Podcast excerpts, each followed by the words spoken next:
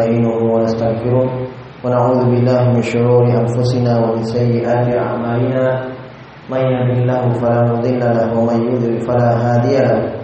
أشهد أن لا إله إلا الله وحده لا شريك له وأشهد أن محمدا عبده ورسوله. يا أيها الذين آمنوا اتقوا الله حق تقاته ولا تموتن إلا وأنتم مسلمون.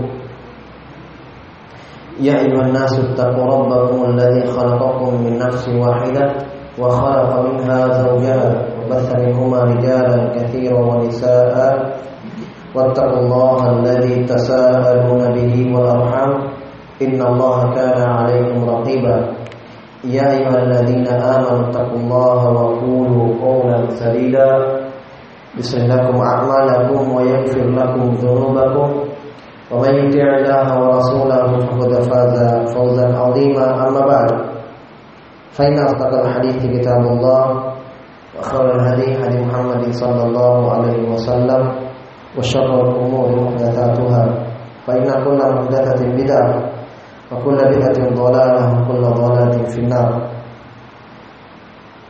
Jemaah salat maghrib yang dimuliakan oleh Allah Subhanahu wa taala. Alhamdulillah pada malam hari ini kembali kita melanjutkan kajian rutin kita dalam mengkaji kumpulan hadis-hadis dari Rasul sallallahu alaihi wasallam dalam permasalahan seputar tentang ibadah fikih ibadah. Sekarang kita sudah masuk dalam pembahasan sholat Dalam pembahasan sholat Dan sekarang kita masih membahas atau mengkaji hadis-hadis seputar waktu sholat. Seputar waktu-waktu sholat. Sebagaimana yang telah kita sebutkan bahwa Syarat sahnya sholat adalah di antaranya masuk waktu. Eh, Masuk waktu. Tidak sah sholat seseorang kalau dia sholat belum masuk waktunya. Maka harus dengan waktu, tepat waktu. Sebagaimana dalam Al-Quran, Inna sholata kanat al-mu'minina kitaban mawquta. Sungguh sholat itu untuk orang-orang yang beriman sudah ada waktunya yang ditetapkan. Jadi tidak bisa sembarangan orang sholat.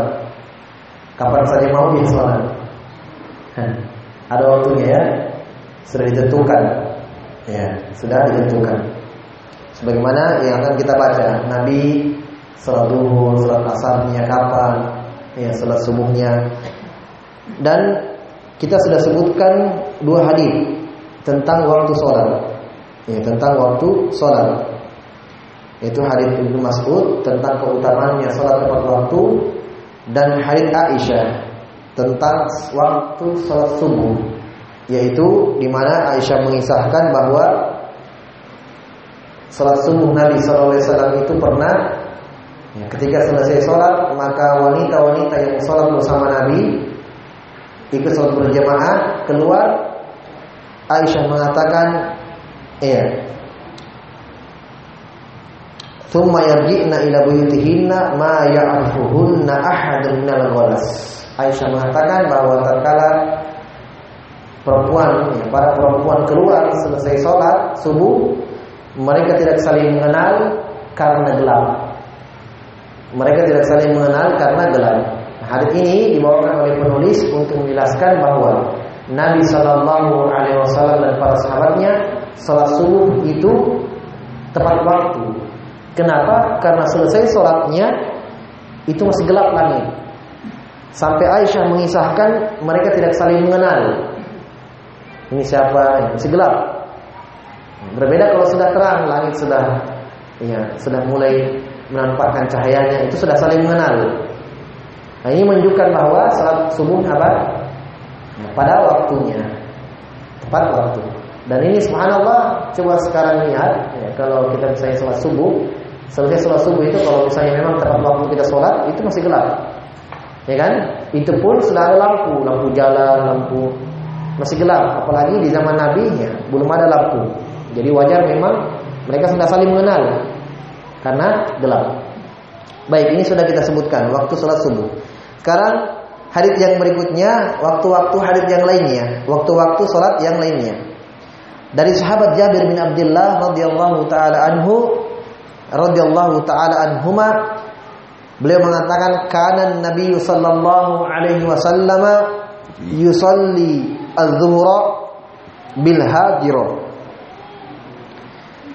wal asra wasyamsu naqiyah wal maghriba idza wajabat wal isya'a ahyanan wa ahyanan idza ra'awhum idza ra'ahum ijtama'u ajjala wa idza ra'ahum abtau akhara wa subha kana an-nabiy sallallahu alaihi wasallam yusalliha yusalliha bil golas bil golas baik dalam hadis ini ya, Jabir mengatakan bahwa Nabi sallallahu alaihi wasallam salat zuhur bil hajirah kapan ketika matahari hajirah hadir itu berada uh, di waktu yang sangat panas matahari. Waktu duhur masuk ketika tergelincirnya matahari ke arah barat kalau kita. Jelas ya? Ketika matahari di tengah itu waktu larangan untuk sholat. Jadi nanti akan kita akan sebutkan ada lima waktu larangan di dalam sholat. Lima dilarang sholat di situ. Yang pertama selesai sholat subuh. Yang kedua selesai sholat asar. Yang ketiga ketika matahari di tengah. Karena Nabi katakan itu berada di tanduk syaitan. Di tengah matahari. Kemudian yang keempat ketika matahari sedang terbit. Hah? Makanya kalau mau sholat duha itu dilarang sholat di situ. Sholat duhanya kapan? Ketika matahari naik setinggi satu tombak. Ketika sudah sempurna lingkarannya, Nah, baru masuk waktu duha. Ketika sementara terbit, belum sempurna lingkarannya naik, itu dilarang sholat di situ. Kemudian yang kelima, ketika matahari tenggelam, sampai sempurna bulatannya, yaitu masuk waktu mag maghrib. Jadi lima waktu ini dilarang sholat. Nah, sholat duhur kapan waktunya? Di sini dikatakan Nabi sholat duhur bil hajiro. Hajiro artinya matahari berada pada puncak panas. Panas sekali. Ya. Dalam hadis yang lain dijelaskan bahwa ketika matahari tergelincir sedikit, miring sedikit, ya sudah masuk waktu sholat. Masuk waktu duhur. Wal asra dan Nabi sholat asar kapan? Wasyamsu naqiyah. Matahari naqiyah masih putih, belum kuning. Lihat kalau waktu asar sudah mau habis kuning matahari ya. Nah, tapi Nabi sholat asarnya wasyam sunakiyah. Matahari itu masih putih, masih panas. Ya, masih panas. Wal maghrib, ya, sebab dulu itu Nabi tidak ada jamnya dulu, tidak ada kompas, tidak ada jam dulu di zaman Nabi. Jadi bagaimana mereka melihat waktu matahari dilihat. Jadi caranya dipasang kayu. Nah, lihat matahari. Ya kan? Nah, kalau pagi itu kan benda itu panjang bayangannya. Kalau pagi sekali jam 9 coba lihat bayangan tak panjang sekali. Semakin mendekat waktu duhur semakin pendek. Pendek, pendek. Pas matahari tengah hilang. Hilang. Ha, ketika tergelincir muncul sebelah pendek. Semakin waktu masuk atap memanjang, memanjang, memanjang lagi. Paham ya? Itu waktu zuhur. Jadi mereka lihat itu waktunya. Dulu tidak ada jam. Nah, kalau kita enak kan ada jam. Terus ada yang tanya mungkin, Ustaz, bagaimana dengan waktu sholat seumur hidup? Nah, waktu sholat yang ditetapkan pemerintah sudah ada satu tahun maghrib isya ini bagaimana itu? Ya. Itu mereka sudah menentukan dengan hisab, itu mereka sudah menguji. Jadi waktu yang ada tidak apa-apa diikuti, tidak ada masalah. Itu memudahkan. Tapi kalau mau menguji di luar, ya ada itu lebih bagus. Tapi kalau tidak mau repot, ya ikuti saja jam itu. Waktu yang ditentukan, tidak ada masalah. Jelas ya? Karena itu sudah ditetapkan bahwa itu sudah ada waktu aman mereka taruh, mereka pasang. Dulu kami masih di Baji Rupa dulu waktu belajar di tahun 2006 2007 awal belajar dulu Ya, kebetulan saya yang jadi muadzin di situ. Jadi ketika bulan Ramadan itu per dua hari, tiga hari itu ke laut sana. Lihat tenggelamnya matahari. Ketika sudah tenggelam matahari, nah dihubungi di pondok buka puasa. Kami yang ke sana lihat mataharinya. Saya bawa itu waktu apa? Waktu yang ditetapkan oleh pemerintah. Saya bawa. Saya cocokkan Maghrib di sini jam berapa? Matahari tenggelam jam berapa? Saya cocokkan. Alhamdulillah per hari saya sendiri yang yang uji. Dan subhanallah, waktu yang mereka tetapkan itu sudah ada waktu sekitar satu menit dan dua menit waktu amannya.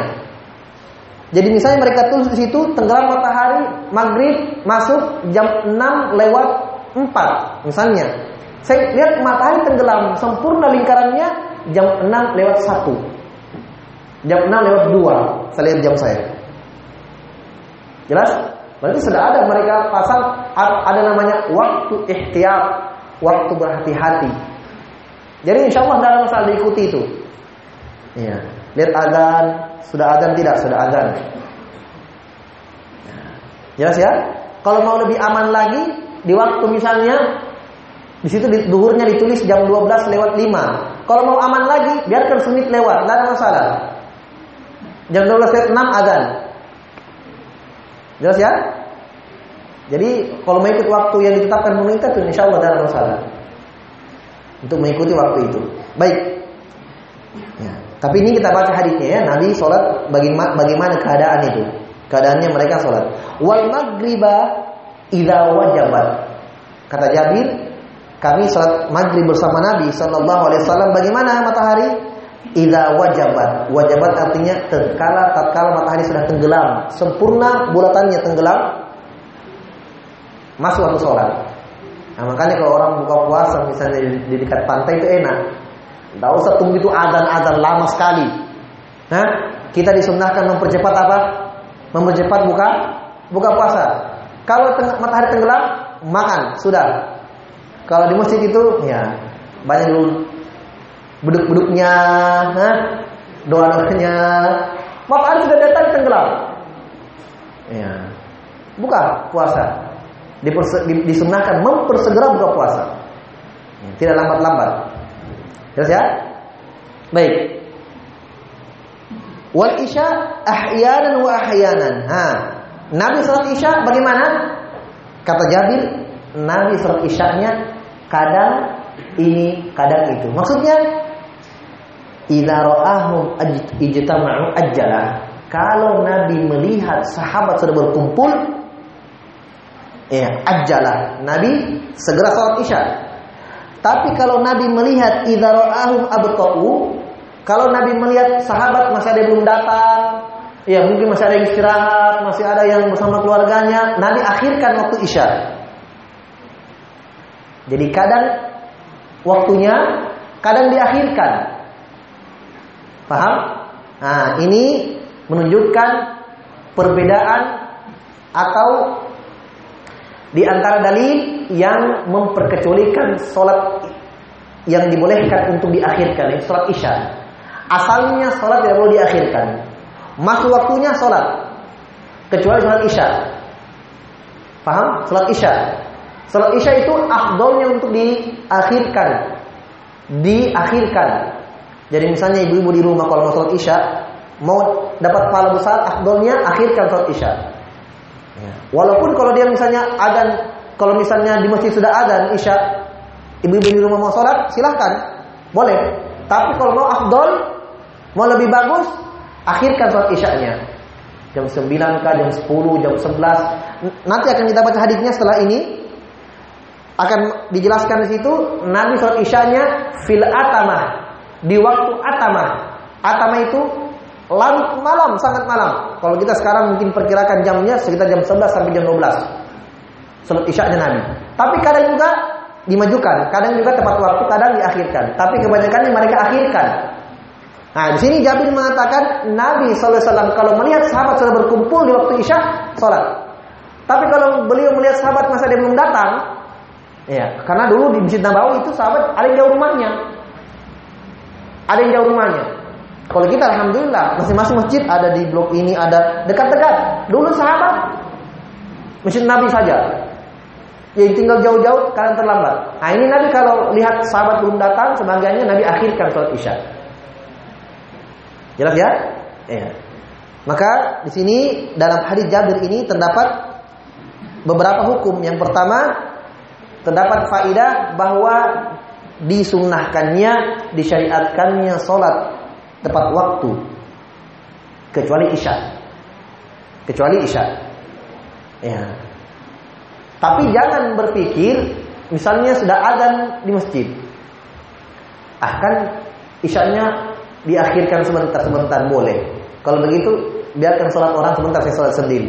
Ini berdosa ini meninggalkan sholat ber, berjamaah laki-laki. Jadi maksudnya itu di masjid itu bersama jamaah sebab Nabi mengakhirkan waktu isya bersama para sahabat. Tidak ada yang sendiri-sendiri mengakhirkan, tidak ada. Paham ya? Jadi misalnya contoh kita di sini misalnya masjid ini apa namanya hidayah, iya. Misalnya masjid yang lain sudah azan. Kalau kita mau akhirkan sebentar-sebentar jam 9 azan, baru kita mau sholat, nggak ada masalah, sholat jamaah. Tapi kalau kita azan jam 9, jam 10, orang bilang aliran apa ini? Kenapa ada jam 9 sholat baru azan? Nanti dia bilang aneh-aneh lagi. Ya, sholat sebagaimana biasa saja. Kalau azan orang ya azan sholat. Ya. Jelas ya? Nah, berarti di sini ilmu bagi orang yang memang di rumah sholatnya seperti perempuan. Ya, berarti dia akhirkan sholat isya lebih bagus. Ya. Apalagi kalau mau dia gabung dengan witirnya sekalian sebelum tidur, itu afdal. Ya, sholat witir. Kalau memang dia khawatir bangun tengah malam.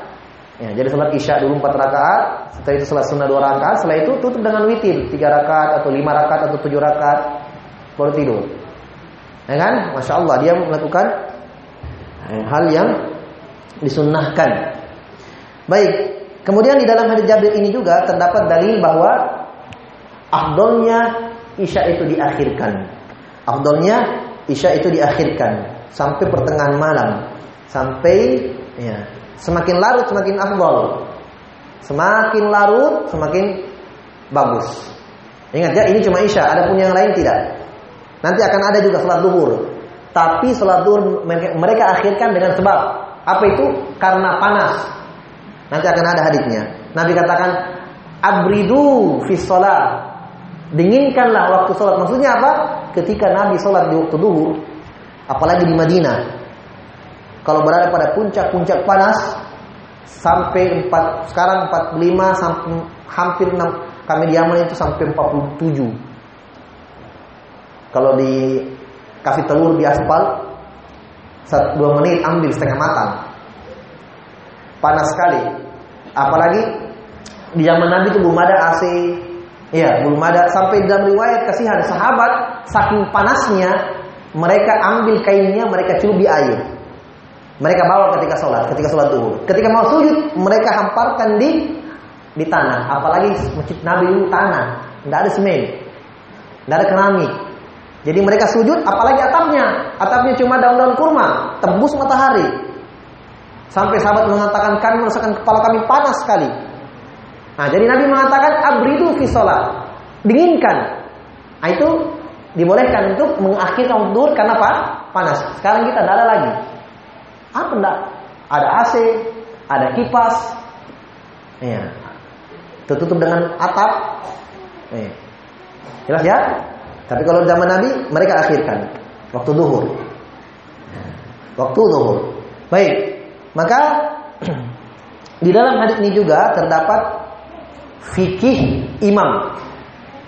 Fikih imam. Kenapa? Karena yang menentukan waktu sholat, yang menentukan orang sholat atau bukan imamnya. Makanya ulama fikih mengatakan tukang adan jangan koma sebelum lihat imam. Begitu aturannya sebenarnya. Jangan asal komat saja. Hah? Apalagi kalau masjid itu sudah ditunjuk imamnya, imam tetap. Dulu Nabi tidak ada di zaman Nabi sahabat tidak ada yang berani komah kecuali Nabi keluar, keluar dari rumahnya. Tidak ada. Sampai mereka kadang tunggu Nabi sampai ada tidur-tidur. Sampai hampir jatuh. Karena kenapa? Tunggu Nabi keluar. Kecuali kecuali Nabi mengisyaratkan perintahkan Abu Bakar untuk sholat. Nah, Abu Bakar yang imam dan riwayat. Tapi kalau tidak ada perintah, tidak ada sahabat yang mau ah komat saja sudah terlambat Nabi ini. Tidak ada. Bahkan pernah Abu Bakar naik menjadi imam, Nabi datang. Apa yang Nabi lakukan? Nabi maju ke depan, berdiri di samping Abu Bakar As-Siddiq sejajar, sahabat di belakang. Abu Bakar yang awal menjadi imam langsung jadi makmum. Nabi langsung imam. Nabi duduk karena Nabi saat itu terlambat karena sakit. Abu Bakar langsung jadi makmum. Awalnya jadi, jadi imam beliau radhiyallahu anhu. Nabi datang, Nabi langsung berdiri pas di samping Abu Bakar. Iya, di sebelah kiri Abu Bakar As-Siddiq. Di sebelah kanan Abu Bakar As-Siddiq. Iya.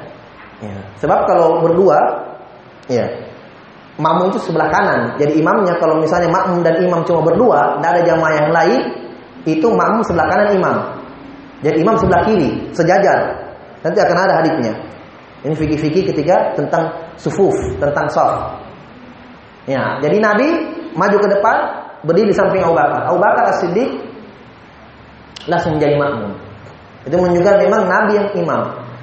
Jelas ya? Nah, di sini terdapat dalilnya atau terdapat fikih imam. Apa itu?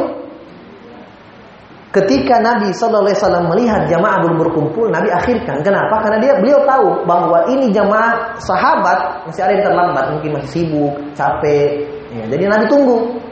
Nah, maksudnya apa? Di sini ada faidah, ada ilmu bahwa imam itu hendaknya pintar-pintar melihat keadaan mak makmumnya. Jangan makmumnya kasih orang tua sudah susah berdiri baca yasin Allah Akbar panjang. Hah? Baca surat Al-Baqarah. Jangan. Pernah sahabat Muad bin Jabal salat panjang. Ya, salat panjang.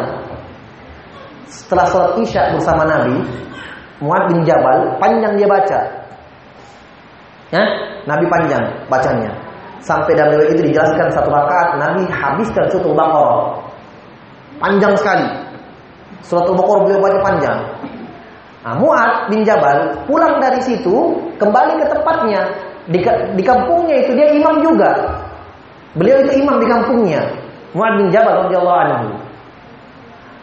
Maka beliau sampai di sana orang kampungnya belum sholat isya. Dia imami kampungnya. Sunnah bagi dia dan ini boleh seorang yang sudah sudah sholat wajib mau sholat lagi sholat sunnah boleh. Jelas ya? Dalilnya pernah sahabat selesai sholat dan Nabi SAW masuk orang terlambat, sholat sendiri dia. Nabi katakan kepada sahabat, siapa yang mau bersedekah? Sahabat mengatakan saya Rasulullah, temani ini orang. Sunnah bagi kamu, wajib bagi dia. Padahal ini orang sudah sholat, sahabat. Berarti boleh sholat lagi, sunnah. Jelas ya? Nah ini umat pulang sholat lagi. Imami kaumnya. Imam beliau baca panjang sekali. Mau menerapkan sunnah juga. Karena Nabi sudah baca panjang. Allah Akbar oh, ya, sudah baca panjang juga. Di belakangnya eh, ada orang tiba-tiba keluar. Saking panjangnya bacaan Muad bin Jabal anak muda keluar. Batalkan sholatnya. Sholat sendiri di belakang. Terlalu panjang. Ketika selesai salam dikatakan kepada Muad bin Jabal ada orang yang tadi yang keluar Muad bin Jabal mengatakan innahu la munafik dia orang munafik Anak muda ini mengatakan dia dengarkan dia bilang munafik, kamu gara-gara kamu besok saya laporkan kamu kepada Nabi Sallallahu Kau baca terlalu panjang. Besok berdua berlomba mereka dua muat dan anak muda ini berlomba datang kepada Nabi siapa dua melapor. Dua-duanya datang, ayah melapor. Kamu kenapa? Ya. Muat bin mengatakan pemuda ini Rasulullah saya sholat saya imam, dia batalkan sholatnya, keluar sholat sendiri di belakang. Amin mengatakan, ya Rasulullah, gara-gara dia ya Rasulullah baca panjang, saya keluar. Maka Nabi menyalahkan Muad. Nabi tidak menyalahkan anak muda ini karena Nabi menegur Mu'ad bin Jabal dengan keras. Afatanun antai Mu'ad? Apa kamu mau menjadi tukang fitnah? Dalam riwayat yang lain diajarkan dia, kalau kamu imam, falikhaffif, ringankan bacaanmu. Fa inna minkum dha'if wa hajat. Karena di belakangmu itu ada orang yang tua yang lemah dan ada orang yang punya hajat, punya keperluan. Berarti anak muda ini mungkin ada keperluannya mau buru-buru cepat dapat umat bin Jabal baca panjang. Keluar dia buru-buru, ya kan? Makanya Nabi mengatakan ringankan saja. Tapi kalau kamu sholat bersama sahabat yang lain, silahkan baca kata Nabi Fal tutawil. Silahkan kamu panjangkan, terserah kamu mau berapa juz kamu baca. Silahkan. Tapi kalau di tengah masyarakat, baca pendek saja. Ya. Apalagi misalnya ada orang di tempat yang kan perkantoran misalnya orang buru-buru mau kerja mau ini dapat dapat imamnya baca panjang. Pas salah mungkin ada lagi orang di belakang pergi semua. Kalau terlalu panjang. Nah, ini memang penting diperhatikan bahwa imam itu harus memang tahu hukum-hukum sholat. Baru dia imam. Ya, bagaimana kalau dia batal? Nah, terus apa yang dia lakukan? Dia tetap selesaikan sholatnya? Tidak, harus dia keluar pergi berwudu. Masa dia sholat tanpa wudu? Ya kan? Nah, di belakang imam juga harus orangnya tahu hukum sholat. Kalau imamnya batal keluar, yang di belakang tidak tahu hukum. Masa mau geleng-geleng kepala murid apa mau dilakukan lagi ini? Hah? Maju dia. Jelas ya? Nah, makanya dulu itu Nabi kalau sholat di belakang Nabi itu nggak sembarang orang, Abu Bakar di belakangnya. Ya kan? Sahabat-sahabat yang berilmu. Makanya Nabi mengatakan, ya ummukum aqra'ukum li kitabillah. Yang imam di antara kalian adalah yang paling ahli dalam baca Quran yang paling bagus tajwidnya, yang paling banyak hafalannya. Hah? Ya. Ini dilihat, dipertimbangkan. Sahabat bertanya, "Ya Rasulullah, kalau dalam ilmu Quran sama, tajwidnya sama, hafalannya sama?" Kata Nabi SAW, "A'lamhum bisunnah." Yang kedua, kriterianya adalah siapa di antara mereka berdua yang paling alim terhadap sunnah Nabi SAW. Ya. Makanya Abu Bakar As-Siddiq itu yang mengimami setelah Nabi meninggal karena beliau paling berilmu. Ya kan? Padahal kalau sisi Al-Qur'an bacaan banyak lebih bagus bacaannya daripada Abu Bakar, banyak. Ubay bin Ka'ab, Abu Musa Al-Asy'ari. Ini ahli qiraah semua ini. Ahli qiraah yang indah bacanya. Tahu Abu Musa Al-Asy'ari? Hah? Tidak ada suara yang terindah, sahabat yang terindah suara yang mengalahkan Abu Musa Al-Asy'ari. Nabi pernah tengah malam keluar sholat eh, keluar mendengarkan suara Musa Al-Asy'ari sholat malam di rumahnya. Dia dengarkan. Subhanallah, betapa indah suaranya. Keesokan harinya dalam keadaan Abu Musa Al-Asy'ari tidak tahu kalau Nabi dengarkan dari luar. Besok paginya Nabi mengatakan kepada Musa Al-Asy'ari, "Wa qad utita mizmaron min mazamil min mazamil ali Dawud." Ya Abu Musa, kamu telah diberikan oleh Allah Subhanahu wa taala seruling dari seruling Nabi Daud. Suara paling bagus. Apa kata Musa? Ya Rasulullah, lau aitu makana lahabbartu laka tahbiran. Seandainya semalam saya tahu kamu dengarkan suaraku, saya tambah lagi keindahannya. Itu baru Subhanallah. Itu tidak tahu Nabi dengarkan. Beliau mengatakan, seandainya saya tahu kamu dengarkan, lahabbar laka tahbiron. Saya tambah lagi keindahan suaraku. Tapi Abu Bakar yang imam dulu di zaman sahabat. Kenapa? Abu Bakar yang paling alim, yang paling afdol di antara mereka. Yang paling afdol. Sahabat bertanya lagi, ya Rasulullah, kalau dalam ilmu sama. Nabi mengatakan, akdamuhum hijratan. Yang paling duluan hijrah. Sahabat bertanya lagi, "Ya Rasulullah, kalau sama-sama hijrah?" Apa jawaban Nabi? Akbaruhum sinnan. Ya, yang paling tua umurnya. Sudah, ada yang sama di sini. Ya kan? Masa sama-sama lahir? Pasti ada yang tua, dahulukan dia. Jelas ya? Ini menunjukkan Nabi mengajarkan sahabat kriteria menjadi imam itu siapa? Ya, Nah ini fikih betul, masya Allah bahwa seorang imam itu penting untuk mengetahui keadaan makmumnya bagaimana. Ya, keadaan makmum. Baik. Sebagaimana di dalam hadis ini ya terdapat dalil e, isyarat dari Nabi wasallam melihat keadaan keadaan para sahabat. Kemudian dalam hadis Jabir ini juga terdapat dalil bahwa salat subuhnya Nabi di waktu golas. Waktu masih gelap. Ya, jadi Nabi itu bukan salat subuh di waktu ketika matahari sudah sudah mulai nampak, mulai mulai terang-terang tidak. Di waktu golas, golas itu waktu gelap. Ya, masih gelap. Masih dalam keadaan gelap. Baik. Kemudian di dalam hadis ini juga terdapat dalil bahwa kebiasaan sahabat amalan mereka yaitu salat berjamaah berjamaah bersama Nabi sallallahu alaihi wa ala alihi wasallam dan ini amalan mereka. Ya, amalan mereka. Baik, ini hadis Jabir. Hadis selanjutnya hadis dari Abul Minhal Sayyar bin Salamah. Sayyar bin Salamah ini mirip hadisnya, ya, mirip dengan sebelumnya. Beliau bercerita bahwa dakhaltu ana wa abi ala abi Barzata al-Aslami. Abil Minhal mengatakan, saya pernah saya dan bapakku datang kepada Abu Barzah. Abu Barzah al-Aslami.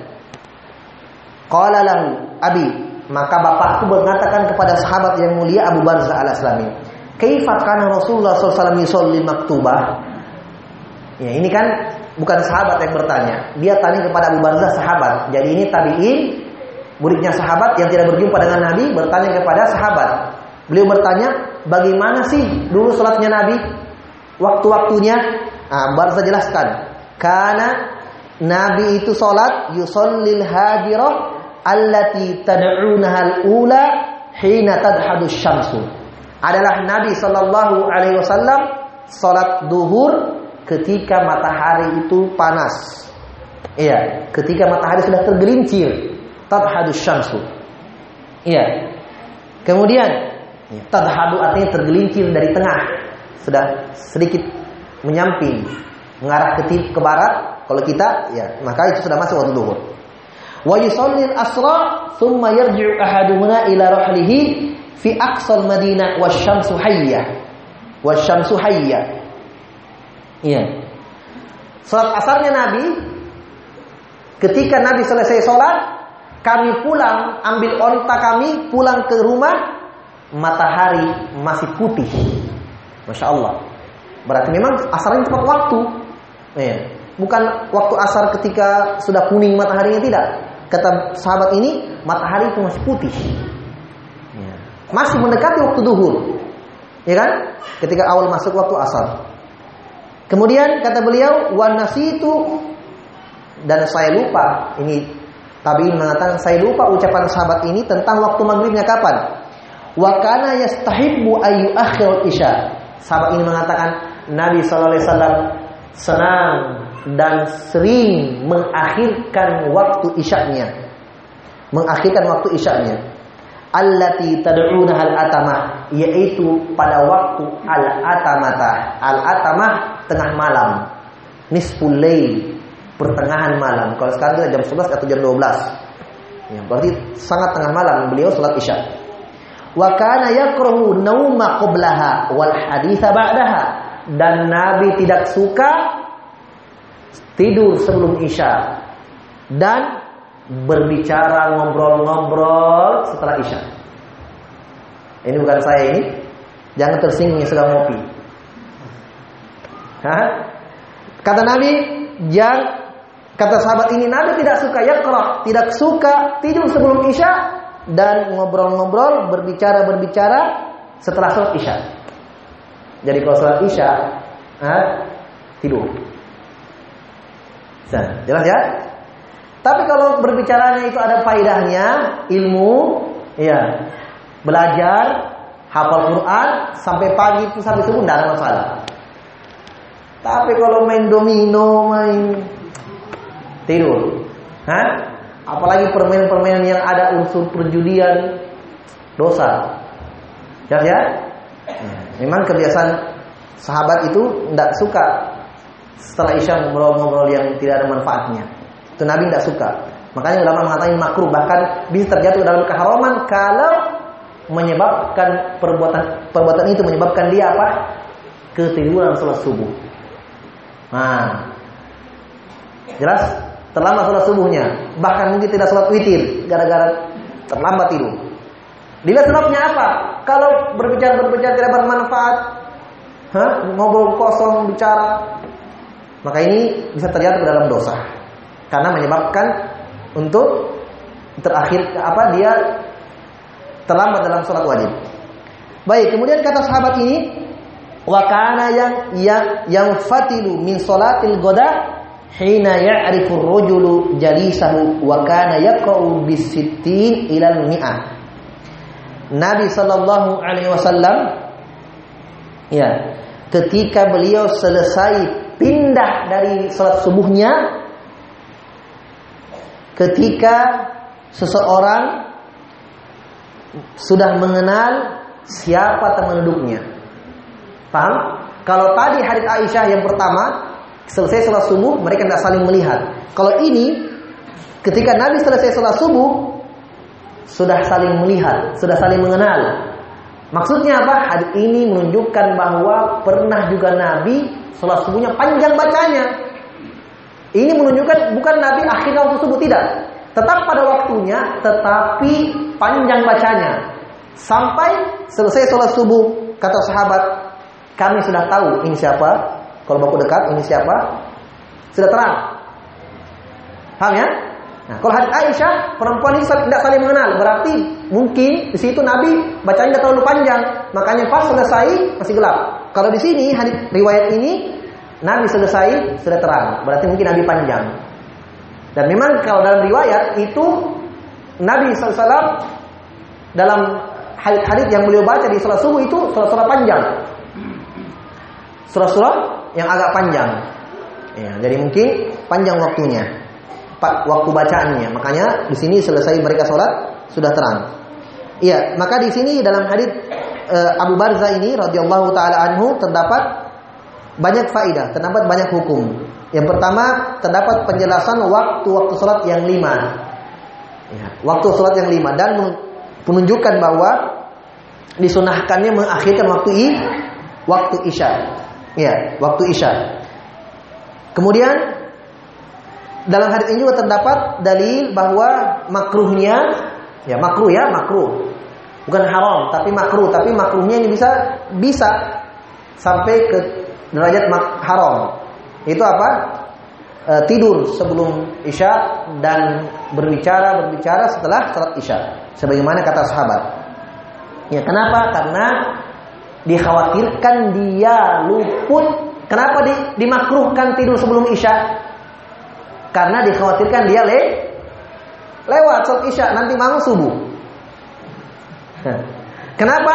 Kenapa dibenci, tidak disukai berbicara ngobrol setelah isya?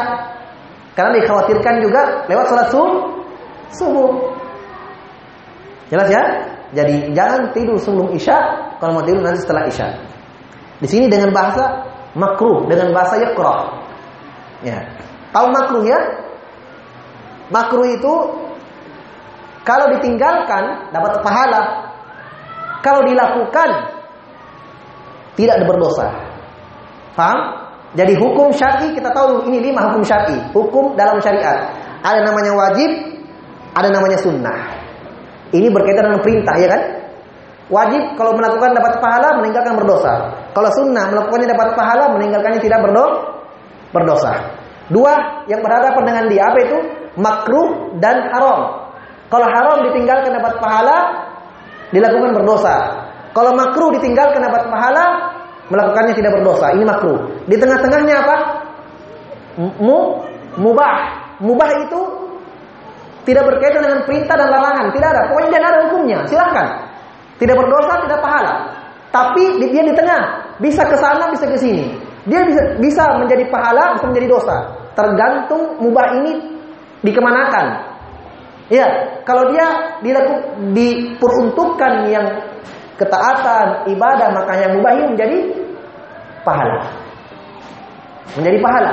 Kalau dia kalau dia diperuntukkan yang haram, maka dia menjadi haram. Jelas ya? Nah, tetapi ingat kalau orang-orang dulu sahabat murid-muridnya sahabat itu kadang kalau mereka bilang makruh itu kadang mereka masukkan haram. Kadang.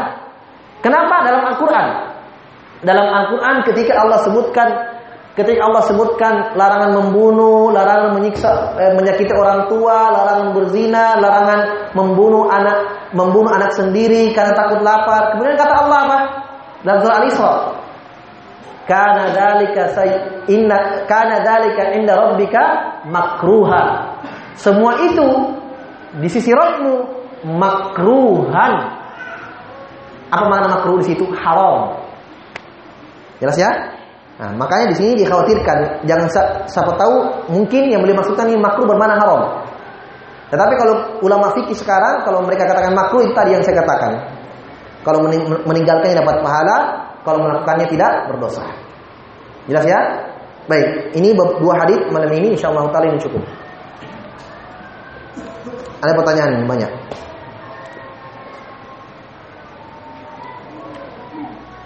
Bolehkah seorang wanita mengakhirkan salat isyaknya di rumah dikarenakan mengerjakan pekerjaan rumah? Bukan boleh, afdol. Bagus. Kalau ada pekerjaan rumahnya silakan pekerjaan rumah dulu, tidak ada masalah. Itu lagi lebih bagus. Sudah sudah kita jelaskan. Nabi keseringannya Nabi mengakhirkan waktu isyaknya. Tapi kadang juga di awal waktu, kadang. Paham ya? Jadi jawabannya bukan bolehkah, tapi itu yang afdol baginya. Itu yang afdol baginya. Dapat pahala besar.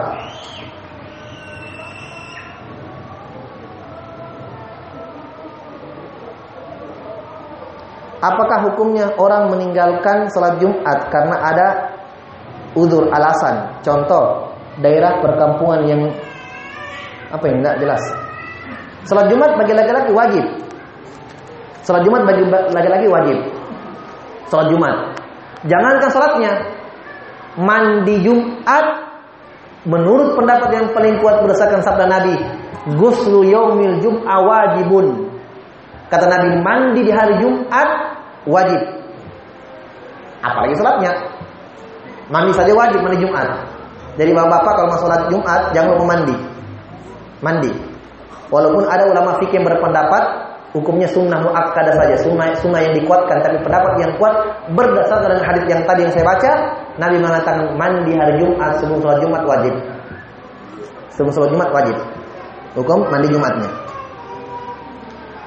Apakah dibenarkan kalau ada saudara kita yang dimakamkan harus ditaburkan bunga dan mem, membelah kelapa di atas pemakaman.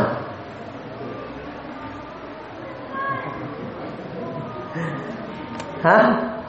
Ini ini kayaknya cuma kita yang ada di sini. Di Arab di Arab itu nabi dari sana. Sahabat juga di sana. Hah? Sudah berapa kali orang Arab menguburkan, habis kubur pulang. Tidak ada. Tidak ada apa-apa. Tidak ada bunga. Bahkan kuburannya mereka tidak ada tehil-tehil warna-warni kayak pelangi. Tidak ada.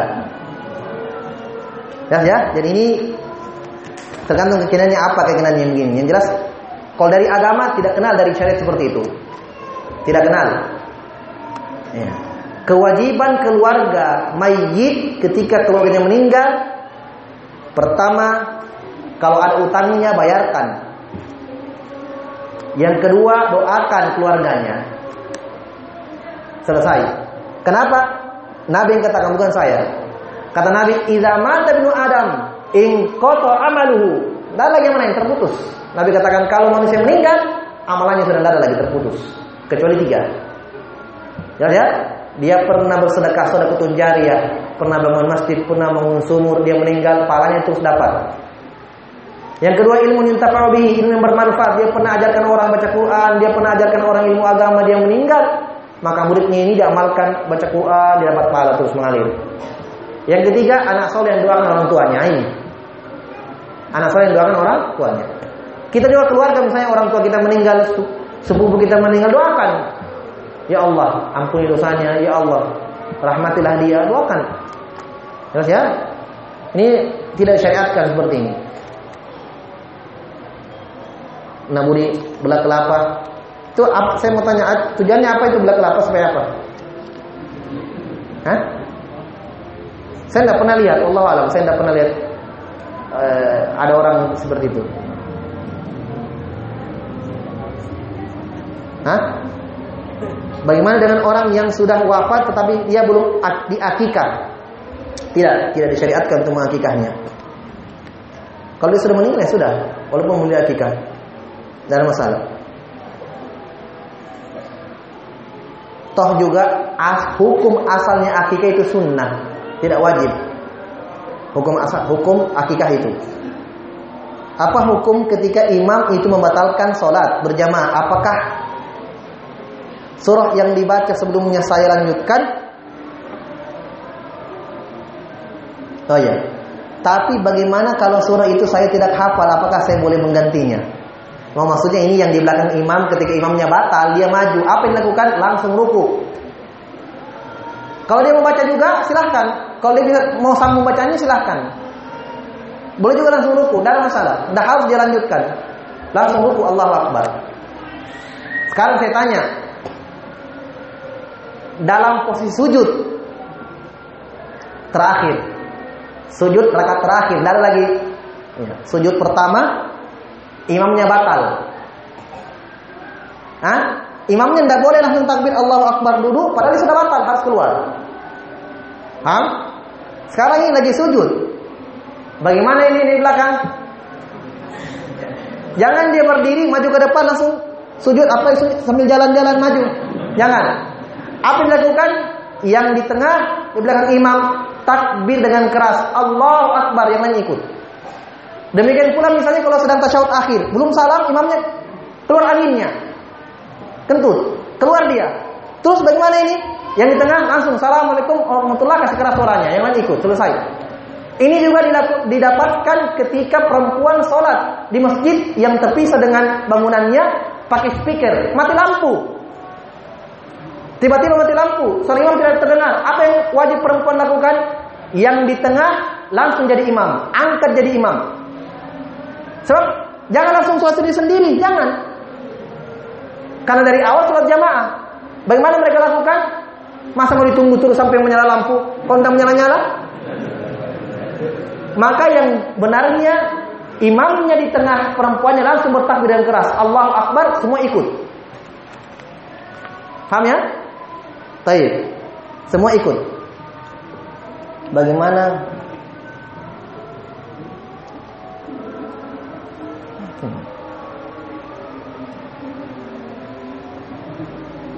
Apa yang dimaksud dengan Godul Basar? Godul Basar itu menundukkan pandangan. Dalam Al-Quran, wa kullil minina yaguddu min absarihim. Katakanlah wahai Muhammad kepada orang beriman, tundukkan pandangan-pandangan mereka, jangan lihat-lihat orang, perempuan yang bukan mahram. Wanita beriman juga begitu. Wa kullil mu'minati yaghdudna min absarihinna. Katakanlah kepada wanita-wanita beriman, tundukkan pandangan-pandangan mereka. Sampai ada kisah yang menakjubkan dari seorang ulama ketika dia pergi sholat di masjid, dia pulang, istrinya tanya, sudah berapa perempuan kuliah di luar? Dia mengatakan dari rumah saya pergi ke masjid sampai pulang tidak ada yang saya kecuali jempol kakiku. Kecuali jempol kakiku.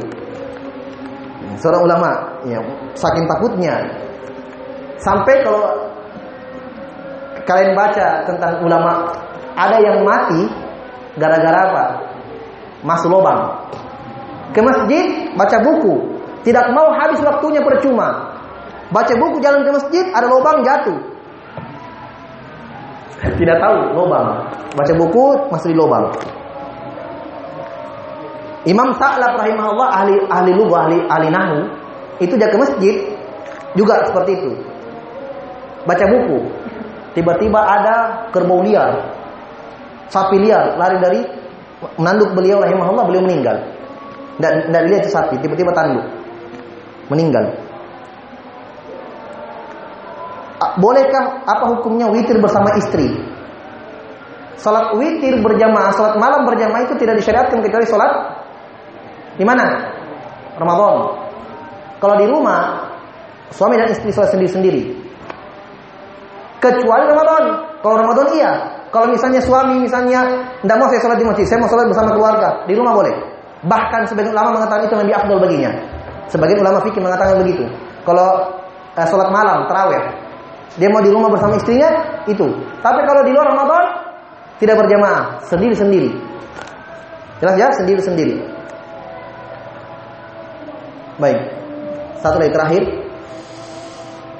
Mana yang lebih utama ketika wanita keluar bersama suaminya lalu tiba waktu sholat di masjid? Apakah lebih afdol wanita itu untuk istirahat di masjid atau dia pulang lalu sholat? Atau dia pulang lalu sholat? Kalau dia sudah di masjid, kalau dia mau sholat tidak apa-apa. Kalau dia mau tunggu sholat di rumah tidak mengapa. Tapi kalau ditanya yang mana lebih bagus, lebih afdol di rumah. Masih lebih afdol di rumah, walaupun dia sendiri sudah di masjid. Jadi kalau mau dia tunggu, nggak sholat di situ, dia sholat di rumah, tidak masalah. Tapi kalau dia sudah di masjid, apalagi timbul fitnah, iya nanti orang-orang kenapa ini tidak sholat, orang tidak tahu hukumnya misalnya, ya timbul keributan. Apa ini? Aliran apa lagi ini? Nah, jangan sampai ini yang ada tiket ke surga ini. Tapi Allah alam subhanahu wa ta'ala bihamdik asyhadu an